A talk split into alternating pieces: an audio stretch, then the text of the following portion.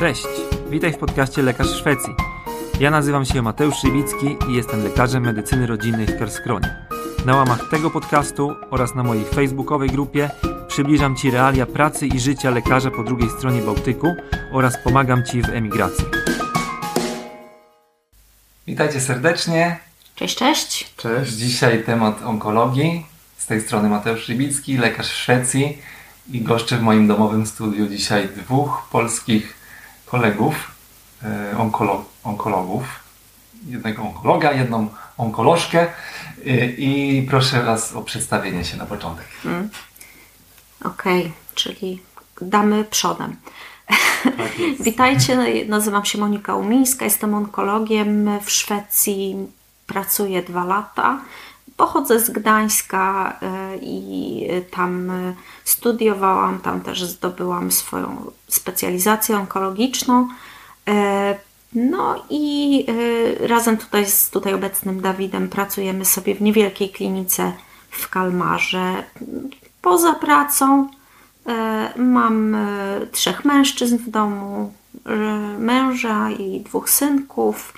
A jak nie akurat nie leżę i nie czytam książki, to trochę ćwiczę, trochę a, grzebię w akwariach i w sumie moje życie jest dosyć, e, jest dosyć monotonne i właśnie po to tu przyjechałam. Bardzo ładnie.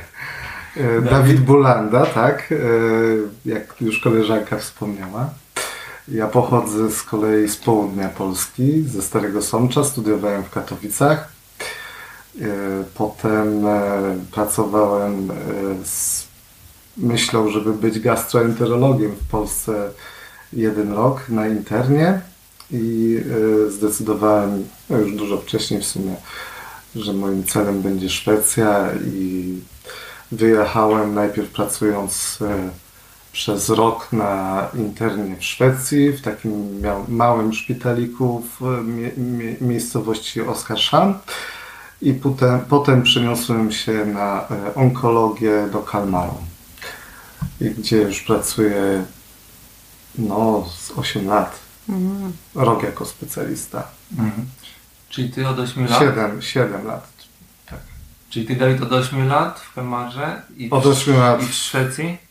No w Szwecji to już Aha. będzie 9 lat mm. w sumie, 9-10 lat prawie. A Monika od dwóch lat? Tak? Ja od dwóch lat, z tym, że y, tutaj kontakt Dawida ze Szwecją to był dość wczesny, natomiast no ja zostałam, można powiedzieć, wyeksportowana e, i zanim e, podjęłam współpracę z firmą, która eksportuje lekarzy do Szwecji, to takich kontaktów tutaj ze Szwecją nie miałam. Mhm. Okej, okay. a w takim razie powiedzcie jeszcze, bo jak będziemy omawiali cały ten temat onkologii, to wiem, że wcześniej sygnali, sygnalizowaliście, że właśnie jakby inaczej to trochę wygląda z perspektywy takiej nieco mniejszej kliniki, tak jak właśnie u Was w Kalmarze, a inaczej z jakichś, jakichś tam klinik uniwersyteckich, tak? Powiedzcie, jakiej wielkości to jest miasto, gdzie się znajduje ten Kalmar w ogóle, żebyśmy wiedzieli więcej na mapie, gdzie się znajdujemy. Mhm. No, Kalmar jest e, położony w południowej Szwecji, e, tak nad Karskroną, która jest celem promu z Gdyni. E, no, 80 km na północ. Mhm. Zaraz przy Holandii. Stamtąd prowadzi most na Holandię. To jest taka podłużna wyspa wzdłuż lądu poniżej Sztokholmu, albo na południe od Sztokholmu, można tak powiedzieć. A jakby można scharakteryzować wielkość kliniki, to jest szpital powiatowy, To tak? jest szpital wojewódzki. wojewódzki. Kalmar ma około 35 tysięcy mieszkańców, e, ale jest to stolica województwa. No i szpital jest w zasadzie pełnoprofilowy. Tam, e, tam mamy wszystko. Hmm. Wszystko w zasadzie oprócz torakochirurgii, można Może. powiedzieć, i neurochirurgii. I neurochirurgii. A poza tym e, tak zwana to po szwedzku się nazywa Utolningsområde, nie?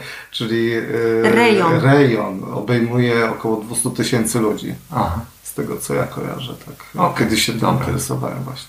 To mamy mniej więcej nakreślone, jak to wygląda właśnie, jeśli chodzi o pacjentów, o wielkość tego obszaru, który za który ten szpital odpowiada. No, może jeszcze jakbym do, dodał, że są trzy szpitale w województwie i to jest właśnie nasz kalmarski szpital, największy, później jest Oskarzan, a jeszcze jeden jest całkiem na północy w Westerwiku. Mhm. No. Okej. Okay. To y, teraz jeszcze też na wstępie, żeby kolejne ważne rzeczy ugruntować tutaj, bo to pytanie się chyba najczęściej pojawiało, jak był poruszany gdzieś tam temat onkologii na grupie, czy jak koledzy, koleżanki, y, którzy mają jakiś związek z onkologią w Polsce, to zawsze pytają właśnie, czy tutaj w Szwecji jest tak jak w Polsce, że występują dwie gałęzie, czy dwie specjalizacje onkologiczne, radioterapia onkologiczna i onkologia kliniczna, czy to jest tylko jedna i ta sama specjalizacja? E, to wygląda tak, że w teorii e, jest e, to onkologia jest jedną specjalizacją, w praktyce y, ludzie jednak ogniskują się bardziej na, idą w jedną albo w drugą działkę, albo w kierunku radioterapii, albo w kierunku onkologii klinicznej.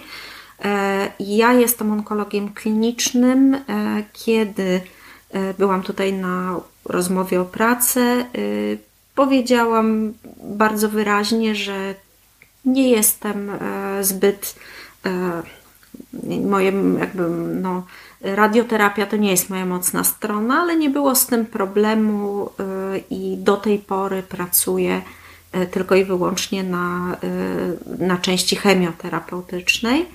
E, jeśli chodzi o uznanie e, dyplomu i specjalizacji onkologicznej z Polski, e, uznawani są zarówno radioterapeuci, jak i onkolodzy kliniczni, ponieważ są to specjalizacje zgodne z dyrektywami Unii Europejskiej.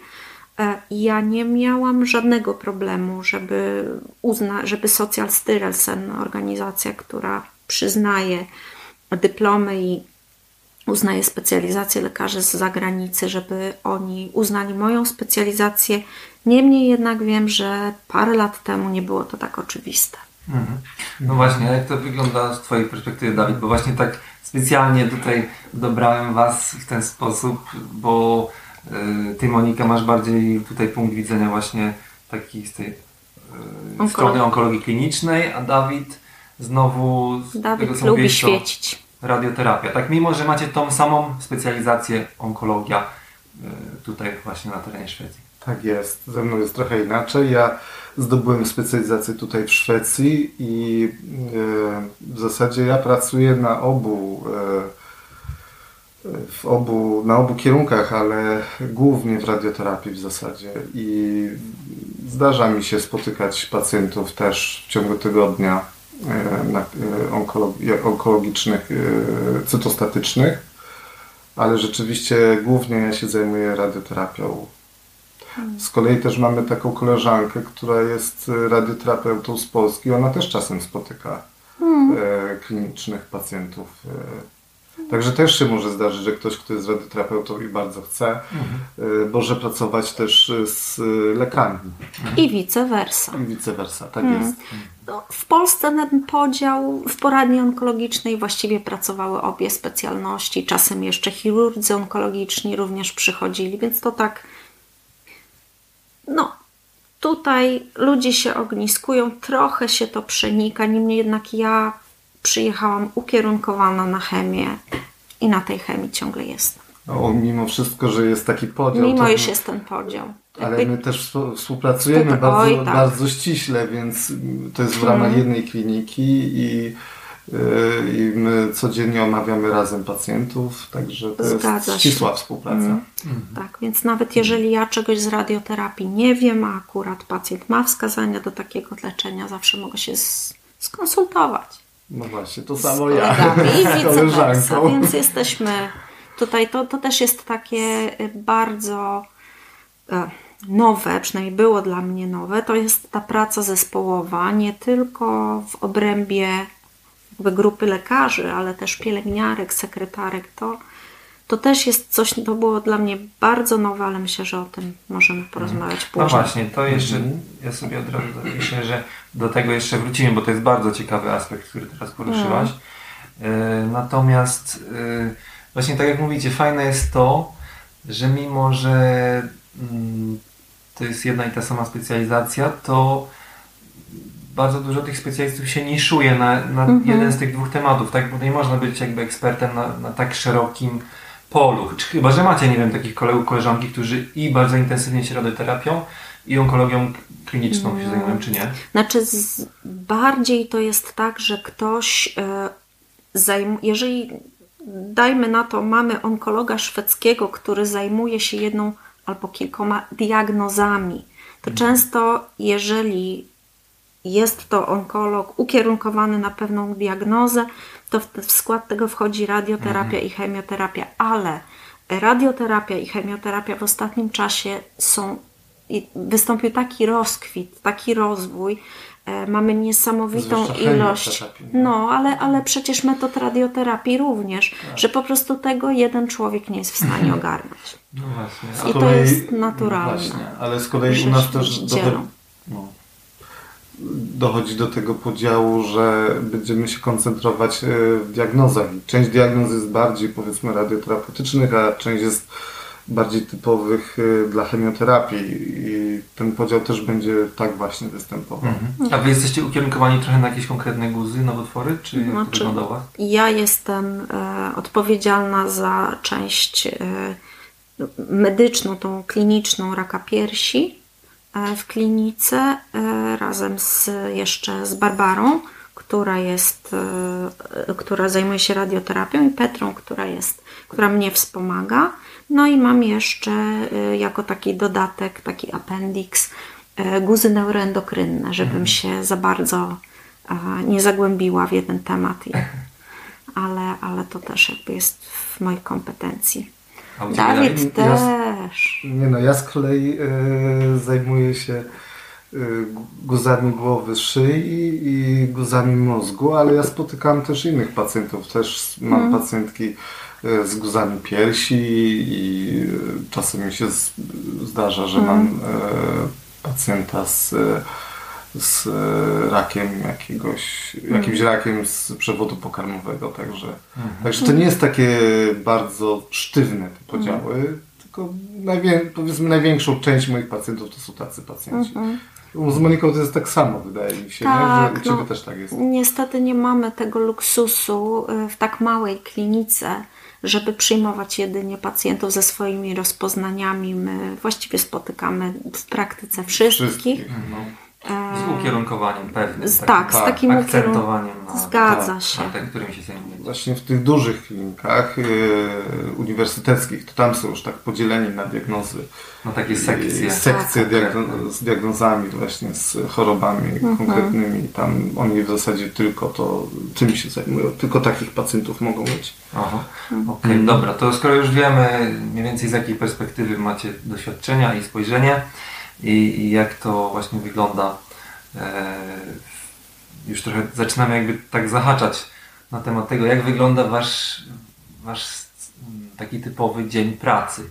I powiedzcie, to może będą też dwie różne perspektywy, a być może macie dużo wspólnego w swoim temacie, ale opowiedzcie, na jakie w ogóle formy spotykania się z pacjentem ta praca wasza się dzieli, czyli oddział, poradnia, jakieś może konsylia wielodyscyplinarne, co, co jeszcze tam wchodzi w skład takiego waszego schematu w takim klasycznym tygodniu i jakbyście mogli pokrótce o tym opowiedzieć i scharakteryzować, e, jak to wygląda. Mi się wydaje, że to jest związane trochę z, ze strukturą w ogóle e, kliniki, nie? Mhm. Że jest e, te, te, że jest przechodnia cytostatyczna, jest przechodnia radioterapeutyczna, no i mamy też kilku pacjentów na oddziale. Tak. Znaczy mamy miejsce na oddziale i to wszystko musimy. No i plus te właśnie konferencje. Mm. Generalnie jest tak, że y, to mówimy teraz ja, ja, i Dawid, my tutaj mamy. Dzień specjalisty wygląda trochę inaczej niż dzień rezydenta. Mhm. Y, no, Szwedzi uwielbiają się spotykać i dyskutować, więc oczywiście każdego ranka jest obowiązkowe zebranie. Wspólne. Tam się szefem. spotykamy zawsze. tak. tak. E, niedługo dołączy również do tego obowiązkowa kawusia, ale to na szczęście jeszcze, jeszcze nie teraz.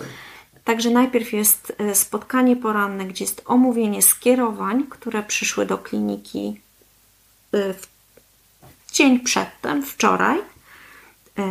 Później odpowiednio zogniskowani ludzie rozchodzą się do swoich podklinik, nazwijmy to. Radioterapia zostaje na radioterapii, cytostatyki idą na cytostatyki.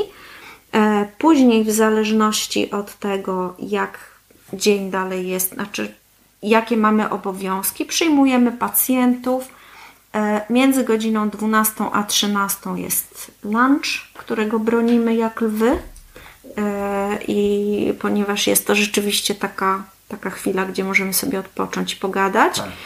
No a później popołudniami część osób ma, e, spotyka dalej pacjentów, część osób ma czas administracyjny. Uwaga, nowość. W Polsce to można mhm. sobie było pomarzyć. E, Doceniasz. Ja to bardzo doceniam. Definicja czasu administracyjnego. Co to jest robi? wtedy przegląda się rzeczy takie, jakie, czy, czy są jakieś prośby o zwolnienia lekarskie, zaświadczenia, E, robi się e, jakby swoje. E, tutaj jeszcze muszę dodać, że na przykład jako osoba odpowiedzialna za jakąś diagnozę muszę nadążać i muszę merytorycznie informować klinikę o nowych na przykład leczeniach mhm. albo jakichś nowych zaleceniach, więc staram się również wtedy, wtedy próbować czytać jakieś nowinki, które, które wyskakują. E, czasami jesteśmy e, proszeni o przygotowanie jakiejś prezentacji, na przykład dla innej, mhm. spe, innych specjalizacji. E, to wtedy też możemy to robić w tym czasie. No Interpretacja i, badań, e, Tak, tak, tak, Aha. oczywiście. Wszystkie, też, tak. wszystkie. Kontakt nie, z pacjentem, jakiś listowny, telefoniczny. to takiego. też, e, jeśli przyjdzie jakieś, dokładnie, przyjdzie jakieś badanie, nie wiem, gęstość kości, wszystko jest dobrze, to tylko wysyłamy liścik, że wszystko jest ok, kontrola za dwa lata i, e, i to robimy w czasie administracyjnym. Czyli to jest to wszystko, ten czas jest, żeby załatwić to wszystko wokół pacjentów, ale też pozwolić... To jest trochę praca z pacjentami, pra... tak, wszystko, no, kliniczna trochę. No. Ale też właśnie takie rzeczy, co mówisz, że mm. trzeba coś tam jest, jest, y, choć administracji jest zdecydowanie mniej niż w Polsce ona tak również jest. Aha. No i ważne, że pracodawcy, jakby cały system ma świadomość tego, że lekarz jednak potrzebuje że to istnieje. czasu na to, żeby tą pracę wykonać, mimo że pacjent nie siedzi przed nim, tak? tak. A siedzi już w mm. domu albo ewentualnie mm. no, tak jakby zaocznie mm. ta praca nadal jest potrzebna ten Oczywiście, czas. no jeśli, tak. jeśli chodzi na przykład o radioterapię, to przecież y, pacjent nie wie nawet, co się dzieje, jak wygląda ten proces y, planowania, że to jest y, coś, co i o czym on w ogóle nie ma pojęcia, ale coś, co angażuje lekarzy, pielęgniarki, fizyków, sekretarki, więc to jest no. również ten czas, który, co lekarze potrzebują. Mhm. I to, to też wiedzą, że to jest i dają na to czas. Mhm. Ale możemy dyskutować, czy tego czasu wystarczy. O właśnie, to jest istotne może. A, A chcielibyście scharakteryzować jakiś konkretny, jakoś bardziej szczegółowo, jakiś konkretny sektor z tych różnych tutaj form mm. działania nad pacjentem? Mm -hmm. Albo może pokrótce mm, ja myślę, że trzeba jeszcze powiedzieć o radioterapii, bo w radioterapii to u nas jest troszeczkę inaczej, jak wygląda ten dzień. Bo po tym porannym spotkaniu mamy spotkania, gdzie oceniamy plany leczenia pacjentów, które zostały przygotowane przez e, pielęgniarki, które są e, wyszkolone, żeby przygotowywać razem z fizykami. A później właśnie spotykamy część pacjentów przed południem, część pacjentów po południu. Po południu też rysujemy targety. No i po południu odbywają się nasze konferencje odnośnie pacjentów. I to jest podzielone na diagnozy już. I z powodu tego, że mamy właśnie też e, miejsca na oddziale i pacjentów, e, których położy, e, którzy są położeni na oddziale, i to są nasi pacjenci z naszej mhm. kliniki, którzy otrzymują u nas leczenie, czyli to nie są pacjenci, którzy są położeni do diagnostyki, tylko to są już nasi pacjenci, który, których znamy. E, to, to po prostu ktoś musi sprawować opiekę nad nimi właśnie na oddziale i to jest e, co tydzień e, jeden specjalista, który jest odpowiedzialny za oddział i on spotyka wspólnie z takim tym underlekarem, co już nasi słuchacze powinni wiedzieć, kto to jest, wydaje mi się. A jeżeli ktoś nie wie, to jest taki młodszy lekarz bez specjalizacji. Starzysta. Stażyst, stażysta. Albo Albo, staży, ale nie, nie zawsze stażysta przecież. Albo jeszcze przed stażem. Przed stażem Dobra. właśnie, nie? E, No i on jest, e, ten lekarz jest odpowiedzialny e, tak za, znaczy on jest codziennie. w Ten lekarz specjalista. Znaczy nie, nie, nie. Ten underlekarz jest Albo codziennie. ST, rezydent. Albo ST lekarz. Znaczy to jest underlekarz w zasadzie, tylko że na specjalizacji. I ten, i, i on jest codziennie na oddziale, a specjalista jest co drugi dzień u nas i to jest taka praktyka w zasadzie na każdej klinice w Szwecji, y, znaczy na każdym oddziale specjalistycznym. Na internie jak pracowałem też tak było, że specjalista był co drugi dzień.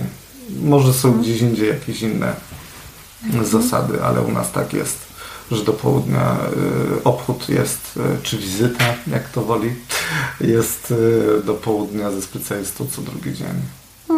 No to zmienne chyba, bo tutaj z Karskrony wiem, że codziennie Codziennie tam specjalista jest, jest dostępny Mhm. dla tego underlekara Okej. i jakby równolegle się siada i się dyskutuje. po Znaczy my jesteśmy dostępni dla niego cały czas w zasadzie, ale jeżeli chodzi o wizytę już taką, że widzimy pacjentów jako specjaliści, to jest co, dru- co drugi dzień. Obchód jest w poniedziałek, Obchód środa. Jest, tak, Aha, odpowiedzialny za oddział jest cały tydzień. Cały tydzień. Rozumiem. No tak, ale jednak mimo wszystko no, z tutaj doświadczeń z przynajmniej na internie, to wiem, że codziennie spotykają pacjenta i codziennie robią obchód. E, no wiadomo, że ten underleker jakby jest bardziej odpowiedzialny za tą część administracyjną, żeby tam zamówić różne zlecenia, czy mm, zlecić leki, czy jakieś domówić badania, ale ten specjalista cały czas ma nad tym pieczę i prowadzi Tak tak młodszego jest. kolegę i jest właściwie do, do dyspozycji na każde pytanie i w zasadzie prawie że w 100% też tam fizycznie się znajduje obok tego Hmm. młodszego kolegi, przynajmniej w momencie obchodu. Raz rano i raz tam jeszcze po No jak też. trzeba przyjść, y, bo pacjent y, się pogorszył albo No to tak, źle, wiadomo, to już to, osobna to trzeba pójść po prostu, to wiadomo, nie? to jest A. y, oczywiste. To się leci. Jeszcze, jeszcze dodam, jeśli chodzi o oddział. My nie mamy jako mała klinika swojego oddziału onkologicznego. Mamy pięć łóżek na oddziale chirurgicznym, które w czasie e, powiedzmy sobie w dni powszednie od 7 do 16 obstawiamy. W weekendy i e, po nocach e, wspomagają nas e, chirurdzy, Nie którzy dyżurujemy. dyżurują. Nie dyżurujemy, dokładnie. I On- to jest urok akurat waszej Naszej kliniki. kliniki, Tak. w dużych klinikach występują dyżury. Aha. One różnie mogą wyglądać. Mogą być na telefon, że lekarz nie jest na klinice, może dojeżdżać, y, jeżeli jest pacjent, który potrzebuje oceny i położenia na przykład. Ja tak miałem, jak robiłem specjalizację w Nisiepingu. Aha. Zdarzyło mi się mieć taki dyżur, bo Okej. Na telefon. Czyli w tych mniejszych szpitalach zazwyczaj onkolodzy nie dyżurują, w tych większych uniwersyteckich Tak. zazwyczaj Tak. dyżurują. No, tam jest y, y, trochę szerszy profil, też pacjenci na przykład zostają y, położeni, niektóre schematy chemioterapii tego wymagają, y, ale y, u nas to na szczęście możemy spać w domu. I to właśnie dzięki temu, że koledzy chirurdzy Tak. się tym, tą, tą odpowiedzialność przejmują na To znaczy to jest historycznie, bo najpierw to oni mieli odpowiedzialność e, nad pacjentami onkologicznymi wcześniej, to znaczy A. kiedyś tam ileś lat wstecz, a że powstała klinika onkologiczna, to myśmy przejęli tą część terapeutyczną. E, No i z powodu tego, że lekarzy jest e, trochę za mało, żeby pełnić dyżury w, takim wymiarze, jak oni to robią, no to oni muszą wziąć właśnie tą odpowiedzialność i wiecz- no, wieczorami, nocami, weekendy to już oni. Także oni mają dosyć duże doświadczenie. Tak, tak, ja, ja nad- się zgadzam. Y, Niemniej jednak no, staramy się po koleżeńsku co piątek zostawić bardzo szczegółowy plan. A, Tak, to jest też właśnie, że za, żeby, żeby wiadomo było, co z pacjentem robić. co to za pacjent, No. z jakiego powodu został przyjęty, co, co zrobić w danej jakiejś takiej sytuacji, którą można przewidzieć w czasie weekendu. Także to, taka notatka zostaje dla dyżurnego. Mhm. To dużo, tak. dużo ułatwia im to o. oczywiście. Okej, okay, no to faktycznie bardzo, bardzo dobrze. I też skoro mówicie, że macie pięć miejsc jakby pod szyldem chirurgii, mhm. no to tak jakby tutaj samo przez się to wskazuje też na to, że administracyjnie tak. Chirurdzy no. dbają o tych pacjentów w tych godzinach dyżurowych. Tak? Mhm. Bo może gdybyście mieli, tak jak mówicie, w większych ośrodkach własny oddział onkologiczny, to wtedy automatycznie za tym idzie dyżurowanie też onkologów. Oczywiście. Mhm. Tam ci młodsi raczej, o właśnie tam jak w Linköpingu jest to młodsi lekarze zostają tam do wieczora, do którejś godziny, a mają tego bagżura, czyli tego specjalistę na telefon. Aha. Tak też może być. Młodsi lekarze onkologii. Tak, ale, ale też ci młodsi mogą później do domu jechać i są na telefon. No, w nocy. No, tak okay. no. Dobra, no to udało nam się nawet zahaczyć mhm. o temat dyżurów przy okazji i no. można powiedzieć, że pamiętam, że ktoś pytał właśnie, czy radioterapeuci albo onkolodzy kliniczni, albo tak jak tutaj w Szwecji ogólnie onkolodzy, mm. czy dyżurują, no to można powiedzieć, że ten temat już tutaj przy okazji też no, omówiliśmy. Tam, tam chyba było też o odnośnie onkologii, znaczy yy, radioterapii. Yy, no właśnie. Tak, takiej, to było pytanie z perspektywy akurat radioterapeuty, ale no to tak samo, tak, tak jak powiedzieliśmy. Znaczy tam raczej nie daje się na ostro radioterapii. Mm -mm. A no właśnie, po, bo to była, tym względem, bo to, czy... bo to była ta różnica, że, że ani u nas y, w Kalmarze, ani nie zdarzyło mi się w Linköpingu, żeby ktoś dawał znaczy to nie ma takiego stanu nagłego po prostu w onkologii, żeby tak. dawać w trybie dyżurowym właśnie radioterapię. Czyli czegoś takiego nie ma. Okej. Okay. Dobra. A jeszcze yy, pogłębmy ten temat yy, konsyliów wielodyscyplinarnych, bo tutaj Monika chyba wspomniałaś, mm. że to jest co, codziennie, tak? Się to jest codziennie. To jest bardzo, e, to jest również coś, co było dla mnie sporą nowością, e, ponieważ ja pracowałam już w Polsce, kiedy wesz, wszedł system DILO i wtedy konsylia były również obowiązkowe. W praktyce wyglądało to w ten sposób, że na konsylium siedział, siedział koordynator, siedział jeden lekarz i była parę pieczątek, które się podbijało, że, że na konsylium był chirurg, patolog, radiolog i tak dalej. Tutaj e, jest to naprawdę. E, I są konsylia dla wszystkich większych diagnoz. Jest konsylium piersiowe, jest konsylium górny przewód pokarmowy, dolny przewód pokarmowy, guzy mózgu, jest konsylium e, e, nowotwory głowy szyi, urologiczne. urologiczne, także tych konsyliów jest trochę w tygodniu. E, w konsylium uczestniczy zawsze specjalista i najczęściej jest to specjalista ukierunkowany na daną diagnozę, onkolog. No i zawsze jest chirurg, zawsze jest radiolog, zawsze jest patolog. Nie zawsze są oni fizycznie obecni, czasem łączą się przez E, przez system takiego, e, takiej wewnętrznej wideokonferencji, mhm. dokładnie. E, czasem w konferencjach uczestniczą również szpitale uniwersyteckie, które też się z nami łączą i, i to działa. To działa. Pacjentów na konsylium może zgłosić każdy, zarówno chirurg, jak i onkolog, jak i patolog. Pacjenci są omawiani i po takim konsylium każda, każda specjalność zabiera pacjenta ze sobą. Ten, któremu należy się operacja, jest od razu zabierany i informowany przez chirurgów. Ten, którym należy się leczenie onkologiczne, jest zabierany przez onkologa. E, I to jest naprawdę dobra rzecz. Plan, takie... plan leczenia jest. Czy znaczy pacjent jest zamówiony od tak, A do Z? Od A tak do Z. I plan leczenia I... jest ustalany rzeczywiście y, na tej konferencji. Hmm. Wiadomo, że jak, no, jest to robione bez pacjenta. Pacjenta tam nie ma. E, mamy więc informacje tylko z, z historii choroby. E, nie jest to oczywiście wyrok ostateczny. W wielu przypadkach decyzję podejmuje się, jak pacjent przychodzi na wizytę, bo jednak musi być ta ocena kliniczna, ale już pewien plan, zarys jest i, mhm. i to, jest, e, to jest naprawdę fajne. Znaczy, można też czy ocenić niektórych pacjentów tak, że bez, bez tej konferencji może być ciężko po mm. No tak, no bo my przecież onkolodzy no. nie potrafimy się wypowiedzieć na temat operacyjności, prawda? Mm. Czyli to jest jedno z takich waszych w zasadzie najważniejszych narzędzi. Punkt, to jest jedno z ważniejszych mm. wydarzeń. To no. jest punkt dnia i to służy również no, budowaniu takich e, no, koneksji, prawda, team Siensla, z, przepraszam, współpracy z innymi mm. specjalizacjami. Chirurdzy nie są anonimowi dla nas, my nie jesteśmy dla nich anonimowi i znamy się i, i też poza konferencją porozumiewamy się, jeśli, jeśli coś potrzeba. Mhm.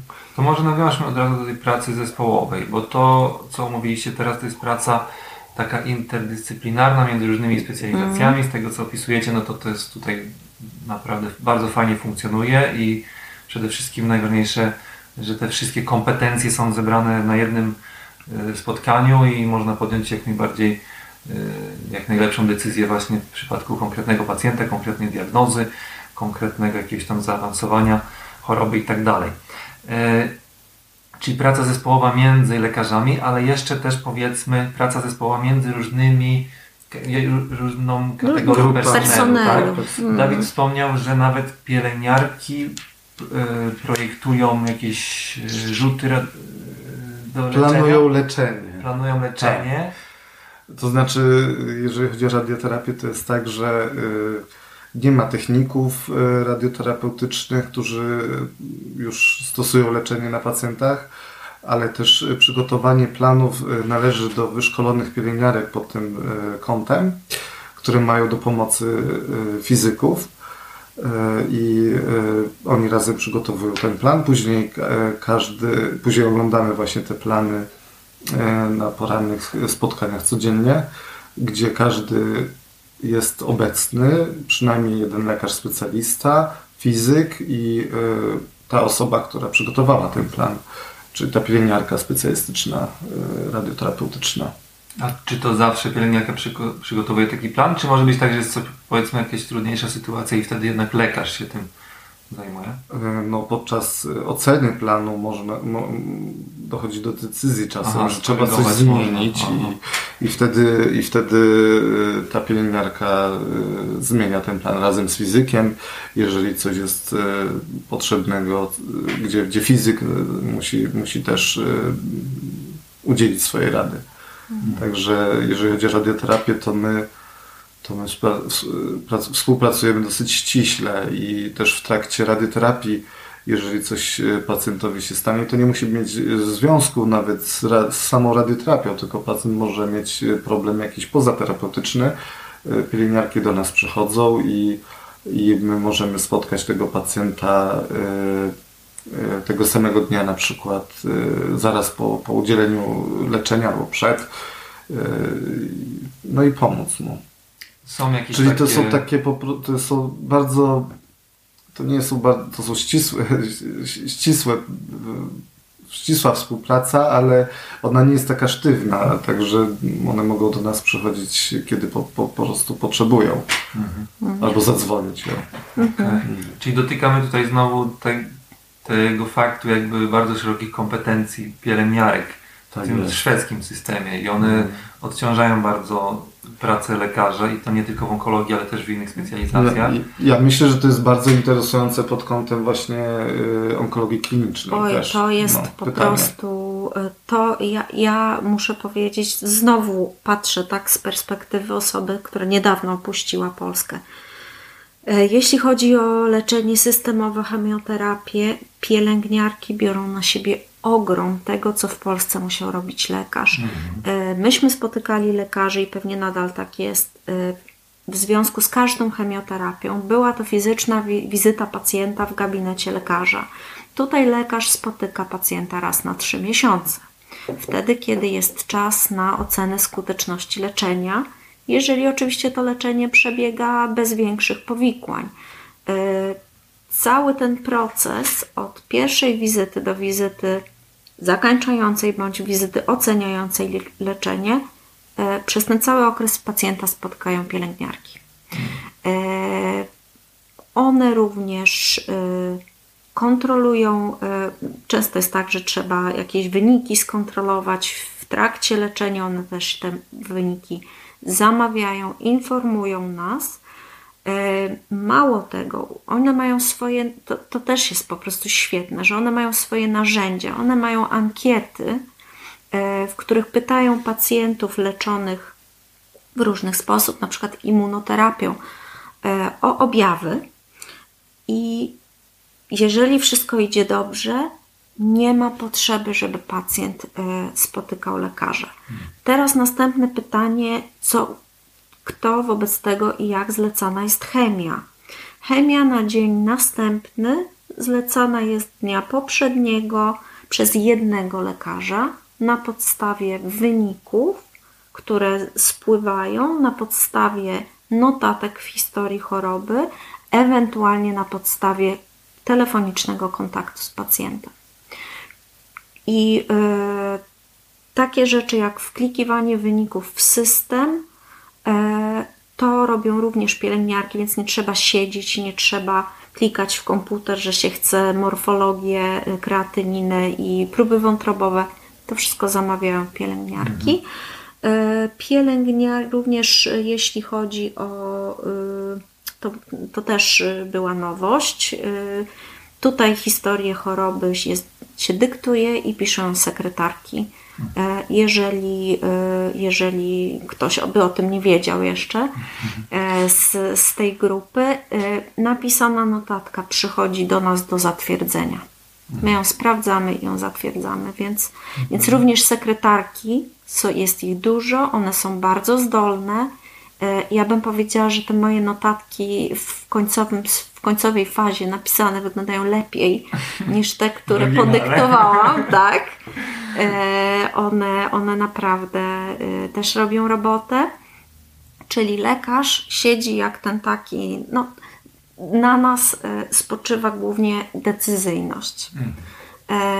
Jeżeli pacjent źle się czuje, jeżeli pacjenta leczenie nie działa, my, my jesteśmy wzywani. Jeżeli wszystko idzie dobrze, piszemy plan i plan idzie. I my się nie przejmujemy, żeby wezwać pacjenta w odpowiednim punkcie czasowym, żeby zabukować wizytę wtedy, kiedy sobie tego życzymy.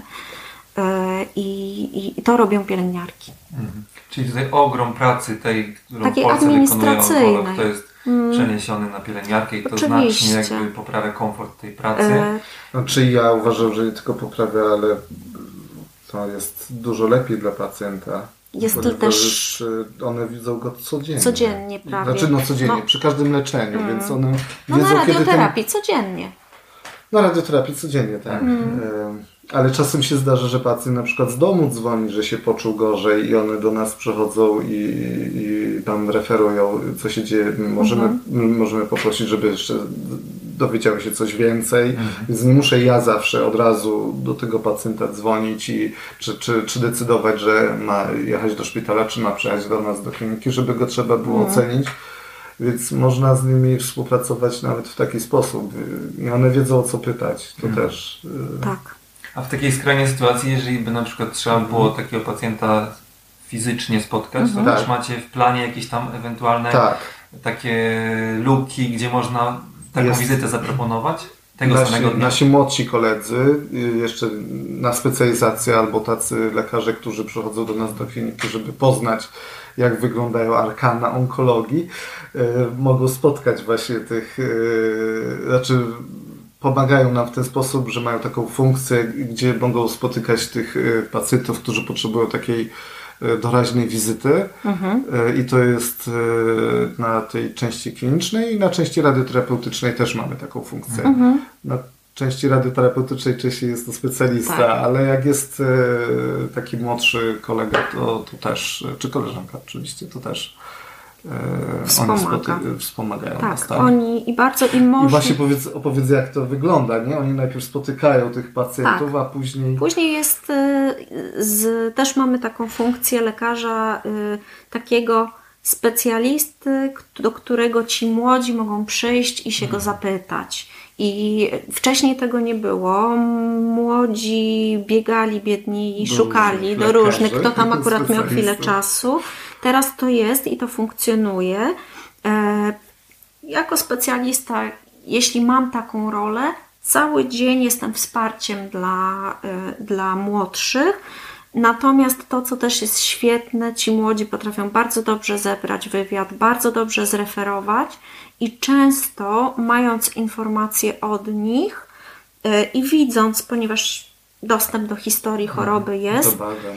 no. do badań, do wszystkiego. Widząc, ja nie muszę tego pacjenta e, spotykać e, fizycznie, po prostu młody ogarnia. Ja mówię, jakie postępowanie, co ja uważam, i ten młody lekarz to wszystko załatwia. Czyli E, młody ma komfort taki, że może się z bardziej Tak. doświadczonym skonsultować, a równocześnie ma możliwość bezpośredniego kontaktu z tym Z pacjentem, no nie musi gdzieś tam stać z ramienia, tylko jakby sam Tak. już pracuje klinicznie i Mhm. zdobywa Tak, to ale- doświadczenie.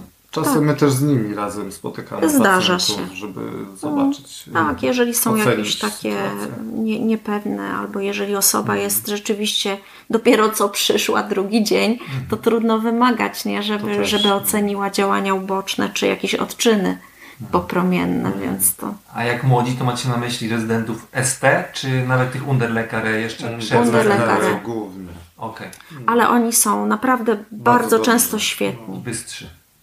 Tak jest. Tak, wiedzą jakie pytania Wiedzą, zadać, co co, mają powiedzieć. zrobić po prostu. Tak już jest, są, są przygotowani na, na studiach. No. Jedna była taka żyleta, co jej nawet powiedziałam, że ma w ogóle y, na ST do mnie przyjść. W ogóle nie ten, no Ani. Z Ani. Powiedziałam, że po prostu ona Ani, nie no. musi, bo ona przyszła jako underlekar, nie, przyszła przed underlekarę, nie, przed AT. Ona przed AT, ona, Ona była przed studentką. AT, ona była studentką, Tak. przyszła, później poszła na AT, ja jej powiedziałam, że w ogóle ja Ci wszystkie papiery podpiszę, chodź, ja, od razu chodź do mnie na ST. nie, takie Ale się Amanda też zdarzają. taka- Amanda też dobra jest, no, daśmy sobie pogadać. I jeszcze wspominałaś o tych takich już gotowych niemalże pakietach badań. Mhm. To po prostu są takie stworzone na oddziale rutyny, także Tak. postępować według jakiegoś tam schematu i dzięki temu mm, te pielęgniarki po prostu Tak. mogą pewien sposób działać w jakichś tam ramach. Jeżeli nie ma jakichś odchyleń specjalnych, to po prostu idzie się pewnym schematem, Tak. gotowe pakiety badań i to wszystko jest Oczywiście. sprawne i, i, i szybkie. Tak? I jeżeli dopiero coś występuje, że coś gdzieś tam się odchyla albo są Mhm. jakieś zmiany, wtedy one się kontaktują dopiero z lekarzem. Tak jest, tak y, jest. y, My na, na cytostatykach, kiedy spotykamy pacjenta, zawsze ustalamy plan. E, Ten plan może się troszeczkę zmienić, ale jeżeli wszystko idzie dobrze, y, po prostu wszystko śmiga i spotykamy pacjenta za trzy miesiące. Yy, Także jest to, yy, jest to tak, tylko że my musimy być bardzo dokładni, musimy dokładnie napisać, jakie leczenie, kiedy wizyta kontrolna, kiedy tomokomputer, jakie badania na następną wizytę, Jaka konferencja? jak, czasem jaka konferencja. E, Tak, czy, y, czy, y, także to jest y, ważne, żebyśmy my również, lekarze, byli, byli dokładni. No, wtedy pielęgniarki nie mają żadnego Tak jest. problemu. To tak. Okej. Jak jest dobre planowanie, to to wszystko śmiga. Czyli konferencje codziennie, dyżurów nie macie. Jak to się rozkłada procentowo mniej więcej ta pozostała część? Jaki mniej więcej odsetek tego waszego czasu w tygodniu czy w miesiącu poświęcacie na pacjentów przychodnianych? Jaki odsetek na to, że jesteście na przykład na oddziale? Jak to jest podzielone w praktyce, żeby tam każdy pewnie też musi trochę rotować, tak? Ten cały schemat. Czy ja mam y, taki schemat dosyć, y, o, dosyć stały. Jeśli chodzi o poradnie, to ja mam cztery takie czasy poradniane w tygodniu pracy. Czas poradniany to jest około, to jest od godziny mniej więcej, to jest około 3 godzin. Czyli 3 razy 4 to jest 12 godzin, czyli mój czas pracy to jest około 12 godzin w tygodniu, kiedy ja spotykam pacjentów. E, alternatywnie dzwonię, alternatywnie mam, mogę mieć jeszcze wideokonferencję. To, jest, to również jest, funkcjonuje i jesteśmy teraz bardzo zachęcani do tego. Co jest jeszcze ważne może i co może skusi osoby, które chciałyby przyjechać pracować do Szwecji, jako specjalista mam na pacjenta 30 minut, a na nową wizytę, na pierwszorazową wizytę godzinę. Mhm. Czyli podczas tego jednego takiego pasu poradnianego, trzech godzin, ja mogę mieć jedną nową wizytę i na przykład cztery, no, trzy wizyty y, takie kontrolne, plus jeszcze jakiś telefon mhm. z jakiegoś powodu. W Polsce mój rekord y, przyjmowania to było 50 pacjentów E, średnio było ich 30-40 na dzień. Na dzień. E, tak więc. Różnice widać gołym okiem. Różnice widać, niemniej jednak poziom e, tego, co się wymaga od lekarza, jest też inny. Pacjenci są wymagający. Niemniej jednak ja sobie to bardzo chwalę, ponieważ daje mi to ten komfort, że ja mogę E, zwłaszcza na tej pierwszorazowej wizycie pacjentowi dużo rzeczy wytłumaczyć, a pacjent poinformowany to pacjent współpracujący. Mhm. Jak się zainwestuje ten czas, to wtedy na tych następnych wizytach te pół godziny y, też wystarczy. Mhm. I warto też chyba dodać, potwierdzić albo zaprzecz, mhm. że y, nawet jeżeli mówisz, że masz cztery takie bloki w tygodniu, mhm. trzygodzinne, to pewnie bardzo rzadko jest tak, że te dwa bloki się skupią w tym samym dniu, także zarówno przedpołudnie, jak i popołudnie. Mm, czasem, por... czasem się to zdarza, ale generalnie najczęściej, najczęściej to jest na przykład na rano pacjenci, jeden blok poradniany, lunch, konferencja. Mhm. Albo administracja albo administracja. Dnia, albo, jakieś, mm, albo jakieś tam spotkanie, albo, albo coś tam, co my tam jeszcze mamy. Yy no, konferencje, e, administracje. To są dodatkowe takie spotkania. E, oddział jeszcze przecież wchodzi mhm. też, wchodzą obchody, poniedziałek, środa, no jeszcze piątek. Jak, no, jak jest oddział, no to jeszcze jest ocena jest skierowań. Mhm. No Takich, którzy nie przychodzą z konferencji pacjentów, tak. tylko tacy, którzy są, którzy są wysyłani skądś. Więc te dni są takie bardziej zróżnicowane. Tak, nie tak jak w Polsce to co powiedziałeś, że po prostu jeden ciągiem siadasz rano mm. i wieczorem czy po południu tak. wstajesz i przyjmasz 50 pacjentów, tak? tak. Tylko, tylko jeżeli nawet już masz ten pas taki przedpołudniowy lub mm. popołudniowy, to zazwyczaj w tej drugiej części dnia y, to już jest już jest coś inna innego. tematyka. Czasem jest też tak, znaczy ja lubię na przykład, jeżeli mam taką poradnię y, cały dzień, to ja sobie lubię na przykład na koniec dnia, proszę sekretarki, żeby mi zarejestrowały jakieś wizyty wirtualne albo wizyty telefoniczne, mhm. żeby, żeby to już było trochę takie lżejsze dla mnie, nie? Jak już jestem trochę bardziej zmęczona i to, i to, i to też dobrze funkcjonuje, zwłaszcza, że w raku piersi to jest mnóstwo takich e, właśnie, czasami wystarczy zadzwonić do pacjentki 15 minut i mhm. Okej. Okay. Wspomnieliście też o ocenie skierowań i tutaj chcę nawiązać do właśnie bardzo ważnej rzeczy, bo dostajecie skierowania, e, można powiedzieć, ze wszystkich możliwych klinik. Dostajecie też skierowania, czy dostajecie z medycyny rodzinnej również, czy to zawsze przechodzi najpierw przez chirurga albo jakąś inną specjalizację. I powiedzcie też coś o tym takim ogólnokrajowym systemie, Yy, nie wiem, czy to jest jakiś odpowiednik tego DILO, czy nie, ale powiedzmy, że tutaj to się nazywa SWF i to jest nawet bliskie też mojemu sercu, bo lekarz rodzinny ma też pewien taki filtr, gdzie przy występowaniu, przy występowaniu jakichś konkretnych objawów też właśnie oznacza się to skierowanie tą, yy, tym skrótem SWF i to idzie do konkretnych różnych specjalistów szpitalnych i wtedy taki, taka, y, takie skierowanie idzie w trybie bardzo szybkim. Tak? Jakbyście mogli coś ze swojej perspektywy o tym opowiedzieć, jak to funkcjonuje, yy, co na ten temat uważacie i jak to właśnie od Waszej kliniki, ocena tego, jakie są terminy, jak szybko to idzie, jakie są rutyny. No to jeżeli chodzi o SWF, to kilka lat temu zostało wprowadzone w Szwecji i i ty mówiłeś, że e, lekarze rodzinni do nas przysyłają, to, to zdarza się tylko wtedy, jeżeli jest tak zwany kup, czyli nie wiadomo, jakie, jaki jest podejrzenie, jakiego guza. A po, poza tym to ten pacjent idzie już po tej całej ścieżce, czyli najpierw spotyka lekarza rodzinnego, później robi się jakieś tam podstawowe badanie, zależnie od objawów które ma być wykonane w określonym czasie i to zależy od diagnozy, mhm. od podejrzenia diagnozy. I następnie jest właśnie patologiczne rozpoznanie potrzebne i później jest dyskusja na konferencji i podjęcie decyzji o leczeniu i cały ten czas jest liczony najważniejszy jest czas do zaczęcia leczenia.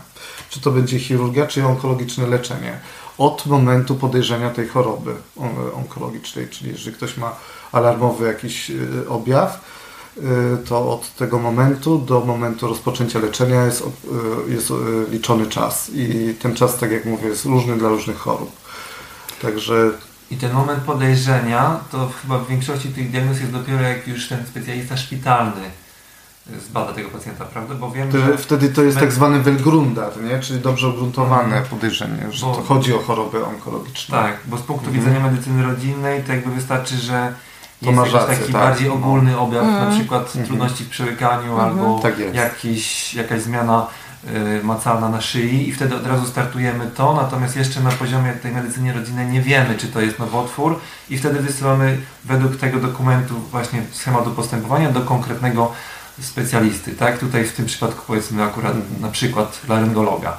I czy dobrze rozumiem, że wtedy ten pacjent ląduje w Waszym obszarze onkologii, właśnie on wpływa jakby, dostaje się do onkologii e, z, z, ze strony tej laryngologii, czy, czy są jeszcze jakieś inne punkty wejścia takiego pacjenta? Czy, czy jakby laryngolog przynosi ze sobą e, historię na konferencji. Na konferencji to tak? wszystko się dzieje na konferencji i nawet już nie potrzeba skierowań do nas, bo jeżeli pacjent jest, y, ma być leczony onkologicznie, no to my już przejmujemy tego pacjenta, wysyłamy do niego y, zawiadomienie, że ma wizytę u nas wtedy i wtedy i mhm. chirurg go informuje oczywiście, y, bo on ma wizytę po konferencji z chirurgiem, znaczy z tym, kto, kto go diagnozował i że była dyskusja na konferencji i podjęta decyzja jest taka, więcej szczegółów dowie się od nas już na mhm. wizycie.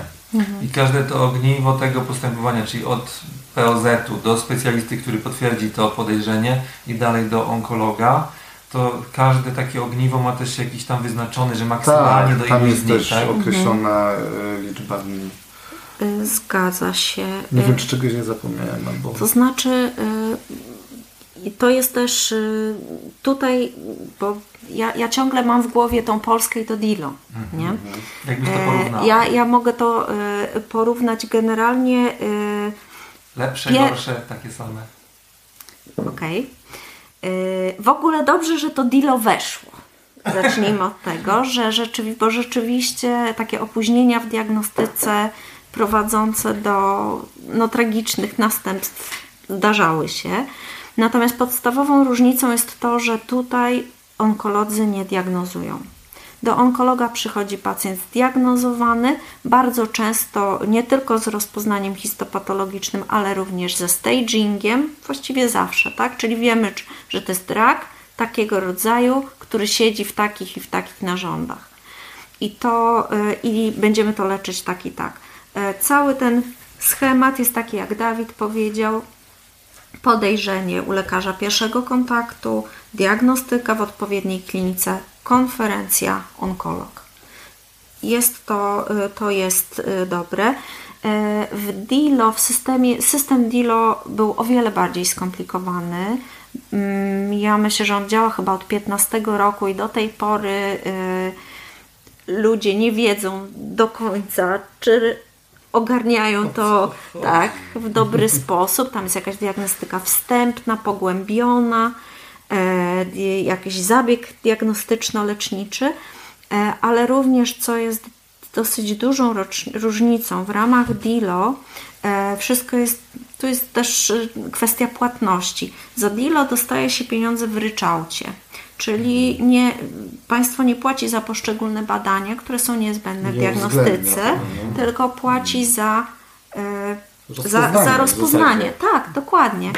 E, więc lekarz, e, to też jest coś, co ogranicza. Poza tym w ramach procedur DILO na etapie diagnostyki wstępnej i pogłębionej jest też wykaz badań, które można wykonać. E, w związku z tym e, dobrze, że Dilo jest. Ograniczona bardzo lista, tak. tak? E, a jeszcze jak się dobrze diluje, jeżeli się, bo mamy tam na tę diagnostykę tam wstępną ileś tygodni, na tą pogłębioną ileś tygodni, jak się zrobi szybciej, to się jeszcze dostanie bonus. Więc na czym polega bonus? Procentowo trochę więcej pieniążków. No, ja muszę powiedzieć, że w Dilo byłam dobra, ale e, tutaj ten system działa no, Człowiek lepiej. nie musi się tym martwić. Tak, to jest w ogóle, żebym ja musiała się męczyć i, i, i, martwić się, ile moja klinika zarobi pieniędzy. Hmm. To ja, ja w ogóle nie muszę o tym myśleć. Zresztą do mnie przychodzi już pacjent obrobiony, poinformowany. Ale później też w ogóle nie ma dyskusji nie, takich. Nie? nie. No i z mojej perspektywy tak samo. Jeżeli już się pojawia jakiś objaw taki, gdzie wskazuje, że jeszcze nie wiem, czy to jest hmm. nowotwór, ale chcę jakby to przediagnozować, no to też diagnostyka jest dla mnie w zasadzie nie nieograniczona.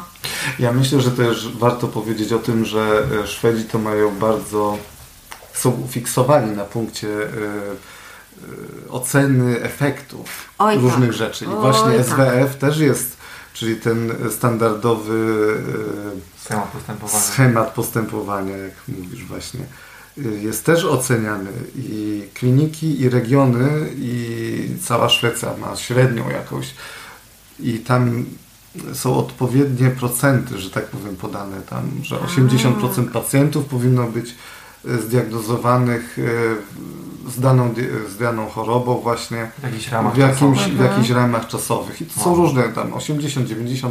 I że co najmniej tyle procent. Co najmniej A. tyle procent właśnie. I kto, i które kliniki, jak które regiony nie gdzie są, tego. gdzie są właśnie... Gdzie są słabe punkty w tym łańcuchu. To I to jest też jest wyłapywane. To wyłapywane i polepszany ten mhm. system. Mm -hmm jeżeli wiadomo mm. właśnie z jakiego powodu no. to nastąpiło. Tak. Te e, spotkania w sprawie SWF w poszczególnych diagnozach również zajmują nam trochę czasu administracyjnego ale raporty muszą być. Właśnie, bo my wypełniamy te na końcu leczenia takie blankiety, znaczy to się nazywa. A to jest blankiety. inka blankiet. A to jest. E, ale to, to jest, jest potrzebne do. To jest e, bardziej kwalitec registret. To jest, no tak, to jest do statystyki w innej, tak, ale to, to jest jakby w innej tej, no ale kolejna zmiana. Ale tam też są takie właśnie tak, progi odpowiednie. Tak, to też, to też jest coś, co...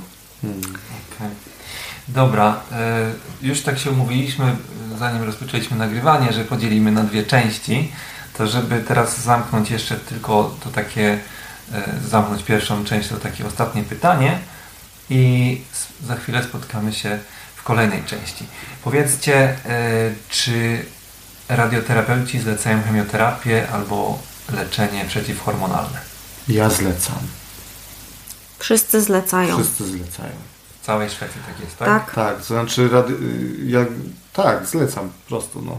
no jako, no tak. Jako, nie, no, I moim pacjentom, których leczę z głową, z szyją, to jak y, na wizytach cotygodniowych, ale też y, po prostu tak jak na klinice, nie? Mm, nie, jest, nie, że... nie tylko skojarzoną, nie tylko, ale nie tylko również leczą pacjentów hmm. chemioterapią. Ja z tym leczeniem przeciwhormonalnym, przeciwhormonalnym też. To się y, różni jakoś od Polski, prawda? Czy jak to jest? To już nie, prędzej, to, to wszyscy, ale, wszyscy ale onkolodzy zlecamy. zlecają jak najbardziej. Mhm. Przy raku piersi, raku Przy prostaty raku piersi, też? prostaty, tak. guzach neuroendokrynnych, wszystko. I adiuwantowo i paliatywnie. Okay. Bo gdzieś się spotkałem na, w jakiejś odpowiedzi na jakieś skierowanie od urologów, czy to właśnie urolodzy zapisali e, to znaczy, w przypadku raka prostaty, dobrze myślę? Czy... To znaczy, jeżeli chodzi o raka prostaty, to jeżeli chodzi o leczenie paliatywne, zaczynają je właśnie urolodzy u nas. I oni mają możliwość kontrolowania tych pacjentów, to leczenie może trwać bardzo długo, więc, e, więc dlatego myślę, że to tak zostało ustalone. Mhm. Okay, że to urolodzy. często jest Ale u nas się zdarza też. Urolodzy startują. Tak, tak, oni zaczynają. Jeżeli następuje progresja i trzeba jakieś inne leczenie włączyć, to jest już albo dyskusja na konferencji, albo skierowanie do nas i hmm. ocena. Mhm. Okej, okay. dobra. To za chwilkę spotykamy się w części drugiej. Tak jest. Do usłyszenia. Dziękujemy. Dziękuję.